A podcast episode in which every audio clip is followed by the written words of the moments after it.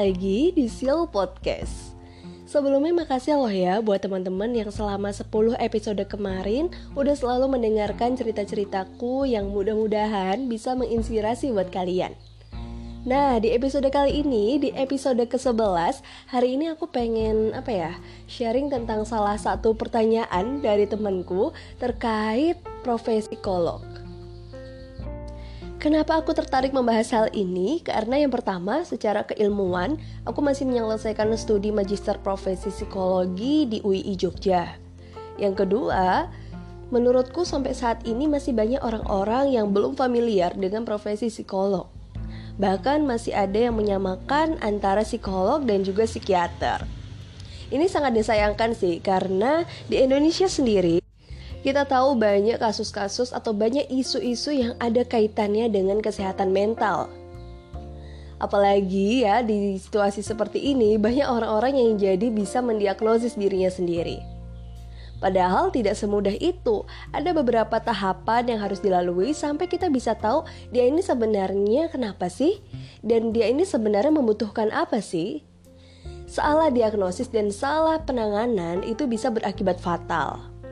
Makanya khusus di episode kali ini um, aku pengen membahas sebuah pertanyaan dari temenku yang dia tuh apa ya mungkin sharing lah ya dia pengen tahu dan dari percakapannya itu aku jadi paham oh ternyata memang benar nih harus kita bahas supaya mereka orang-orang di luar sana jadi lebih teredukasi. Oke, terkait dengan pertanyaan, sebenarnya pertanyaannya tuh simple aja sih. Waktu itu dia uh, kirim pesan ke aku dan dia tuh nanya kayak gini Mbak, kenapa sih profesi psikologi itu baru ngehits sekarang? Terus aku tanya, ngehits gimana nih maksudnya? Gitu kan.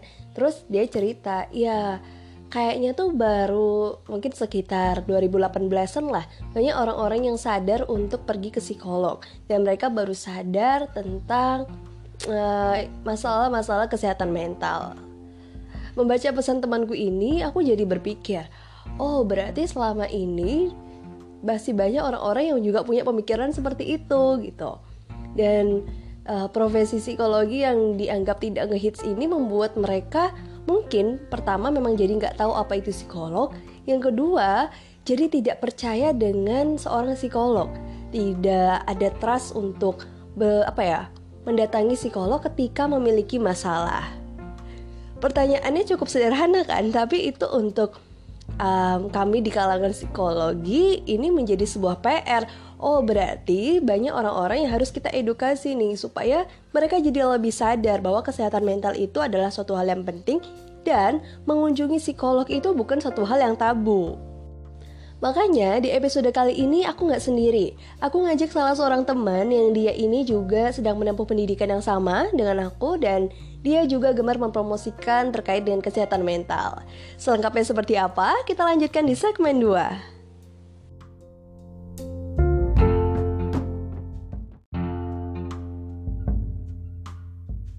Oke, aku mau langsung aja menyapa di sini. Aku ada bersama Yustisi. Halo Yustisi. Hai Mida. Gimana kabarnya sekarang? Alhamdulillah baik. Mm -mm. Kita udah sekitar hampir tiga udah tiga bulan ya tiga di rumah bulan, terus.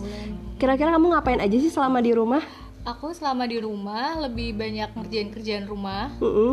Ya, jadi bangun tidur, paling beres-beres, bersih-bersih kayak gitu terus baru tidur lagi tidur lagi oke okay. bosan gak sih di rumah terus tuh uh, sebenarnya cukup bosan tapi gimana lagi kan mau keluar juga ada himbauan dari pemerintah untuk nggak keluar rumah dulu jadi ya udah di rumah aja oke okay.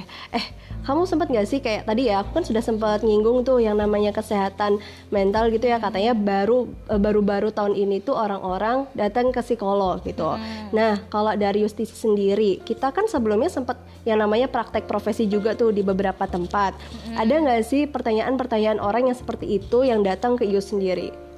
Kalau yang datang ke aku sendiri tuh mereka lebih pada nanya, oh ternyata ada ya profesi psikolog terus aku mikir hah lah maksudnya gimana? Iya maksudnya kenapa sih nggak dari dulu ke psikolog aja? Kalau tahu ternyata sebenarnya di psikolog itu kita bisa ngomong sama profesional yang bisa lebih ngerti kita. Kadang kan kita kalau cerita sama orang lain belum tentu gitu ya orang lain tuh bisa ngerti orang lain tuh bisa paham. Dan sama psikolog tuh bisa. Kenapa sih kok aku baru tahu ada profesi psikolog Oke, jadi mereka baru tahu kenapa ada profesi psikolog kayak Mm-mm. gitu. Oke. Terus kalau misalnya itu kalau ini ya yang nanya langsung ke kamu ya. Tapi kalau dari eh, klien-klien yang datang ke IU sendiri gitu ya, ada gak sih yang eh, ngomong, Mbak Mbak eh, kenapa sih psikolog di sini tuh kurang banget? Kenapa sih nggak ada informasi-informasi tentang kesehatan mental dan lain sebagainya kayak gitu? Eh, kalau ke aku sendiri biasanya lebih banyak mbak sebenarnya eh, preferensi psikolog itu yang kayak gimana sih? Yang bisa kita temui itu di mana? Karena sebenarnya informasi jumlah psikolog habis itu psikolog praktek di mana itu tuh masih kurang banget kayak gitu. Padahal mereka udah mulai tahu nih sebenarnya peran psikolog tuh apa? Mulai dari konsultasi online Oke, iya jadi emang gitu ya guys ya. Jadi kalau kalian tahu ya sebenarnya yang namanya psikolog itu udah banyak ya Yus ya dari dulu udah banyak banget. Bahkan mungkin udah ada ribuan kali ya. ada cum ada sih cuman mungkin kayak kurang apa ya kurang masyarakat tahu gitu Mm-mm. dan jumlahnya tuh nggak sebanyak kebutuhan yang ada di lapangan jadinya Nah. orang masih sering nyari Jadi kayak penyebarannya itu Nggak kan rata nggak juga. rata. Mm-mm. Padahal memang sebenarnya itu tadi jumlah psikolognya itu sudah banyak, cuma memang kurang informasi. iya Iya kan, kurang informasi. Bahkan sempat agak aneh sih, memang waktu yang dia tuh bilangnya tahun 2018 itu baru ngehits mbak, katanya dia bilang kayak gitu. Terus aku mikir kan, 2018 banget, kayaknya yang nggak ini ya 2018 Nggak. kita kuliah nggak sih? iya kita baru kuliah profesi itu di tahun 2018 mungkin ini kali ya karena kita di dunia psikologi dari S1 di psikologi jadi tuh udah banyak kenal tentang psikolog. Cuman mungkin kalau di luar sana tuh masih kurang kayak gitu. Jadi mereka ngertinya ngehitsnya sekarang-sekarang ini. Apalagi juga mungkin eh, banyak orang yang eh, kena mental illness Mm-mm. dan mereka mulai eh, apa ya apa sih namanya kayak mm, Mulai speak sadar, up. Oh speak up, speak up. Oh iya ternyata mental illness tuh gini loh. Ini eh, apa mereka jadi tahu oh kalau misalnya mereka ngalamin kayak gini mereka tuh datangnya ke psikolog. Nah Hmm. dari situ eh, profesi psikolog juga mulai terkenal. Mungkin dari situ. Nah padahal kan sebenarnya udah ada dari dulu tapi kenapa baru terkenal ya karena misalkan orang-orang yang speak up itu baru sekarang-sekarang ini speak upnya Oke, baru terbuka sekarang. Terus ditambah ini kan eh, sekarang udah mulai banyak platform-platform kesehatan mental Benar. kayak gitu. Terus di apa sosial media itu ada akun-akun yang kaitannya dengan kesehatan mental, Benar. sharing ilmu dan lain sebagainya yang dulu mana ada ya kita tahu eh, ketika apa namanya kita mengalami depresi kita harus seperti apa, tanda-tandanya seperti apa. Itu kan eh, hanya sebatas kita ya kalau kita sendiri kita dapatkan ketika di kelas. Oke. ya kan? Tapi kalau orang awam mereka nggak akan tahu kalau tidak ada em, apa namanya sharing informasi yang seperti itu gitu kan? Makanya kenapa sekarang dianggap baru ngehits? Karena yaitu perkembangan teknologi juga. Iya, benar. mm-mm, kan? Yang akhirnya bukan cuma campaign secara uh, offline gitu kan yang biasanya mereka membuat event-event tapi juga campaign secara online kayak gitu Iya, ini juga sebenarnya kalau saat ini kayak pengalaman dari PKPP kemarin itu sekarang tindakan preventif itu udah lebih banyak. Oke. Jadi eh, psikolog-psikolog yang biasanya ada di puskesmas atau di rumah sakit itu udah mulai mengkampanyekan tentang kesehatan mental. Hmm. Nah, orang-orang baru ngah, ngeh dan sadar itu dari situ gitu. Oke. Jadi eh, kurat apa eh, preventif dan kuratifnya sekarang udah lebih seimbang. Mungkin dulu itu psikolog itu perannya lebih banyak kuratifnya. Jadi ketika klien datang ya itu ditangani. Nah, sekarang kan eh, kita udah tindakan preventif. Nah, itu juga eh, ternyata banyak orang baru tahu kalau oh ternyata kayak gini gangguan apa gangguan mental, kayak gini apa. Nah, tuh dari situ sama eh, ini apa namanya psikolog-psikolog yang ada di lini masyarakat primer kayak gitu udah mulai banyak kayak apa pusat kesehatan masyarakat itu udah banyak. Nah kan kalau dulu belum ada, nah sekarang udah ada. Hmm, jadi kalau uh, mungkin banyak yang belum terlalu paham. Jadi kalau pencegahan kuratif itu adalah kuratif itu yang udah ini Udah ya, terjadi. udah terjadi. Dan sedangkan kalau preventif itu belum kejadian gitu ya, belum. uh, belum kejadian. Dan memang benar sih. Jadi makanya kalau banyak orang menganggap psikolog itu baru terkenal sekarang, ya tidak gitu ya. Tidak maksudnya bukan bukan baru-baru ini terkenal tapi udah dari dulu gitu. Ya sama kami juga profesinya kayak dokter kayak perawat dan lain sebagainya gitu ya. Kalau kalian memang membutuhkan layanan dari psikolog kalian bisa menemukan di puskesmas itu kan? Iya kalau kalau untuk di DIY sendiri Sleman sama Kota Yogyakarta semua puskesmas sudah ada psikolognya. Terus kalau dibantu di beberapa puskesmas sudah ada, Kulon Progo Gunung Kidul sih belum ada. Nah, di untuk di daerah lain ini yang masih jadi PR kalau kalau belum ada profesi psikolog di apa eh, pusat kesehatan masyarakatnya. Hmm, hmm, hmm. Itu kalau untuk di puskesmas sendiri gitu ya. Ah. Terus juga teman-teman bisa bertemu dengan psikolog itu di rumah sakit. Benar. ya kan di rumah sakit terus juga eh, kalau yang membuka apa jasa praktek sendiri itu ya, Benar. Mm-mm. Biasanya praktek psikolog atau mungkin orang lebih familiar dengan biro psikologi kan Oh ya. iya, ha, orang masih paham ya dengan biro psikologi dan itu bisa kalian temui di mana pun ya, ya yang memang itu ada tulisan namanya dan di belakang itu ada gelar psikolog gitu Hmm, ya. Dan ada nomor SIPP. Oke ya ada nomor SPP. Jadi nomor SIPP itu sama kayak apa ya? Surat nomor ya surat izin prakteknya kayak gitu. Oke kalau dari justisi sendiri ya, maksudnya dengan tadi ya banyak orang yang baru menyadari bahwa oke oh ternyata ada nih psikolog di sekitar kita gitu. Dari Ius sendiri pesan apa sih yang pengen disampaikan buat teman-teman di luar sana yang mungkin mereka masih menganggap psikolog itu eh, bukan sebelah mata sih tapi apa sih eh, pekerjaan utama dari psikolog gitu. Kalau aku datang ke psikolog emang nanti bakal diapain? Nah, itu kira-kira gimana kalau dari Yus pesan-pesannya? Oke, kan kadang tuh masih banyak yang takut ya dengan stigma bahwa kalau orang ke psikolog tuh ya orang gila, orang yang jiwanya sakit kayak gitu. Padahal untuk ke psikolog itu nggak cuman karena gila aja sih sebenarnya. Itu mungkin udah di taraf yang paling berat gitu kan.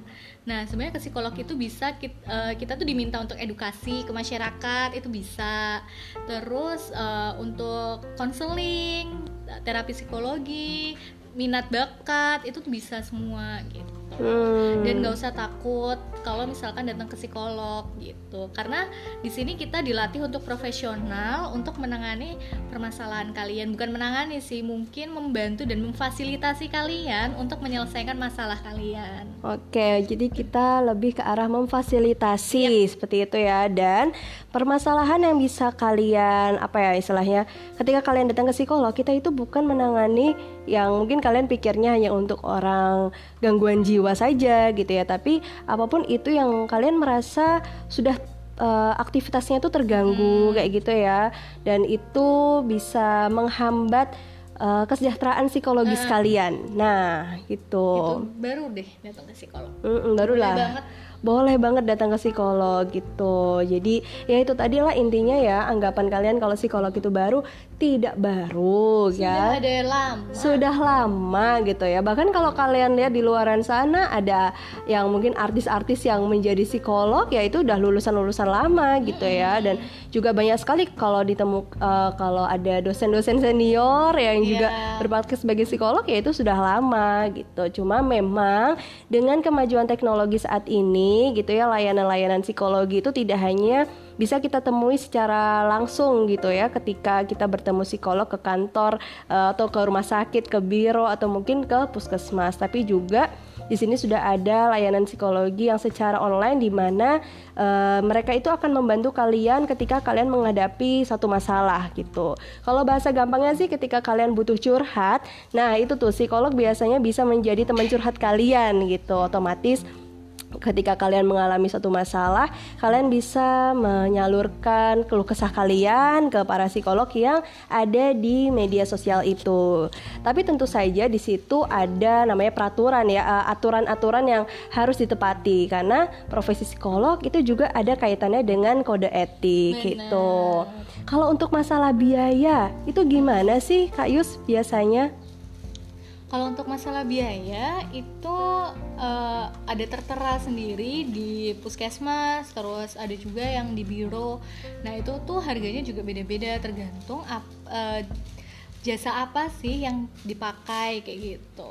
Mm-mm, jadi kalau ada anggapan psikolog itu pasti mahal, ah, ya coba nanti dilihat lagi dulu ya di mana kalian menemui psikolog. Mm-mm. Eh, bisa di puskesmas, bisa di rumah sakit, dan bisa di biro gitu. Itu harganya beda-beda tergantung. Mm-mm. Jadi memang kalau kalian membutuhkan psikolog, coba aja cari. Kalau kami sih merekomendasikan ke puskesmas dulu ya, yang lebih terjangkau gitu ya. Dan biasanya psikolog di sana akan sangat welcome ketika kamu benar-benar butuh uh, bantuan gitu dan kamu mungkin membutuhkan biaya yang tidak terlalu tinggi seperti itu. Toh kalaupun kalian uh, kurang apa ya kurang percaya untuk datang ke psikolog itu kan ini ya preferensi masing-masing ya kalian pengen menemui psikolog itu di rumah sakit ya nggak apa-apa gitu masalah biaya itu akan tergantung dari kebutuhan kalian juga Benar. ya tergantung dari kebutuhan dan nanti apa tindakan yang akan dilakukan selanjutnya gitu. Mm-mm. Hayus masih ada ini nggak yang mau disampaikan lagi buat teman-teman? jangan takut ke psikolog kalau memang butuh soalnya kalau eh, udah giliran udah parah baru ke psikolog itu kan lebih sulit lagi ya untuk memfasilitasinya dan mereka juga akan lebih sulit untuk memetakan permasalahan pribadi mereka kalau udah saking numpuknya Hmm, oke. Itulah jangan takut untuk datang ke psikolog karena kita bukan monster, oke? Oke, kayaknya itu aja deh guys untuk episode kali ini. Terima kasih banget buat kalian yang udah masih mau dengerin setiap episodeku dari episode 1 sampai 10 dan mudah-mudahan nanti di episode-episode selanjutnya aku masih bisa memberikan informasi yang menarik dan juga informatif buat kalian. Oke, so see you in the next episode. Dadah.